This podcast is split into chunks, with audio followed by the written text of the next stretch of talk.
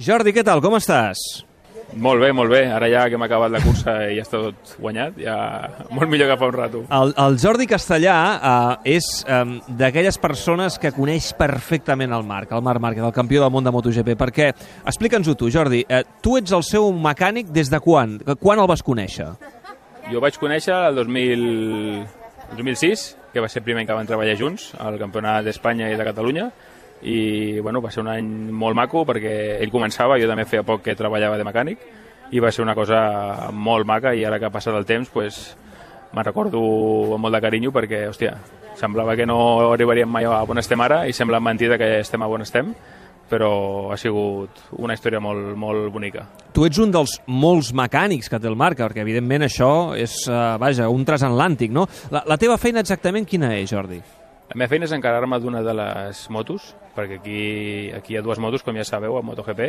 Llavors ens repartim la feina per sectors, no? Hi ha unes persones que fan la telemetria, que fan els mapes d'injecció, hi ha una altra persona que s'encarrega de la roda de les benzines, una altra persona que s'encarrega del canvi, hi ha un cap de mecànics, que és el que, el que una mica organitza el treball que s'ha de fer a les dues motos, i després hi ha un company meu italià, en Gino i jo, que fem una moto cada, cadascú. Però bueno, ens hem de remengar, al final ens, ens, ens hi fiquem tots i, tothom fa una mica de totes les motos. La feina a les motos això ho pot fer qual, qual, eh, qualsevol persona que, que, que en sàpiga que té, i, que, i que tingui una miqueta de mans. Mm, ah, no, no, no treguis mèrit, Jordi, que, que, que la feina que feu és prou important i bàsica per qualsevol no, no, pilot veritat, de, és veritat. de MotoGP, les coses com són. Però escolta'm, eh, ell com és um, uh, com a pilot, eh? Tu com a mecànic, ell com a pilot.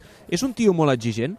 Home, un cop es fica al mono de, de feina, tant, tant ell com, com nosaltres, diguem que la part més personal, la part més de pues, amistat que tenim, té que quedar en una banda per part de tots, tant d'ell cap a nosaltres com de, de la part de l'equip cap a ell perquè això és una cosa que és bastant sèria, es puja damunt d'unes motos que les remenem molt, eh, molt, o sigui, moltes vegades al dia, i llavors aquí es deixa una mica de banda aquesta part de que estem a gust junts, que ens ho passem bé, que, ens, que som molt amics i hem de ser una mica més professionals i estar tots una mica més serios. Llavors ella ens exigeix que tot estigui a puesto i al final és, és, és, és la nostra feina i el que hem de fer. Escolta'm, uh, tu el vas conèixer el 2006, eh, al Campionat de Catalunya i Espanya, um, Sí, quan era un sí, nen, sí. tenia 14 anys, 14 anys. Um, com era Sí. aquell Marc Márquez nen? Sí, sí. Era molt tímid, molt tímid, molt introvertit. També era molt menut, i llavors sup- suposo que també feia que no...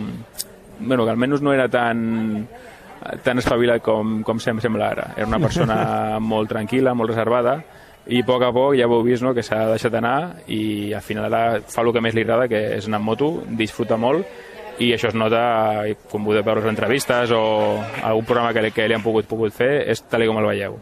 Però bueno, com va, com comen com, eh, com, com començar les curses, era una persona pues, que anava molt l'estrada de pes a les motos, queia molt, ara sembla que tot brilla, que tot sigui molt fàcil i que és boníssim, però en, en, en aquella època jo només recordo una big victòria, però el que més eren caigudes, moltes hores de, de, de feina, i no semblava que la cosa anés eh, tan bé com en el fons tots hi, hi creiem, no? perquè sabíem que era molt, molt bo, però per les característiques que tenia pues, les curses no anaven a vegades com voldria ell que anés o com voldríem nosaltres que haguessin anat.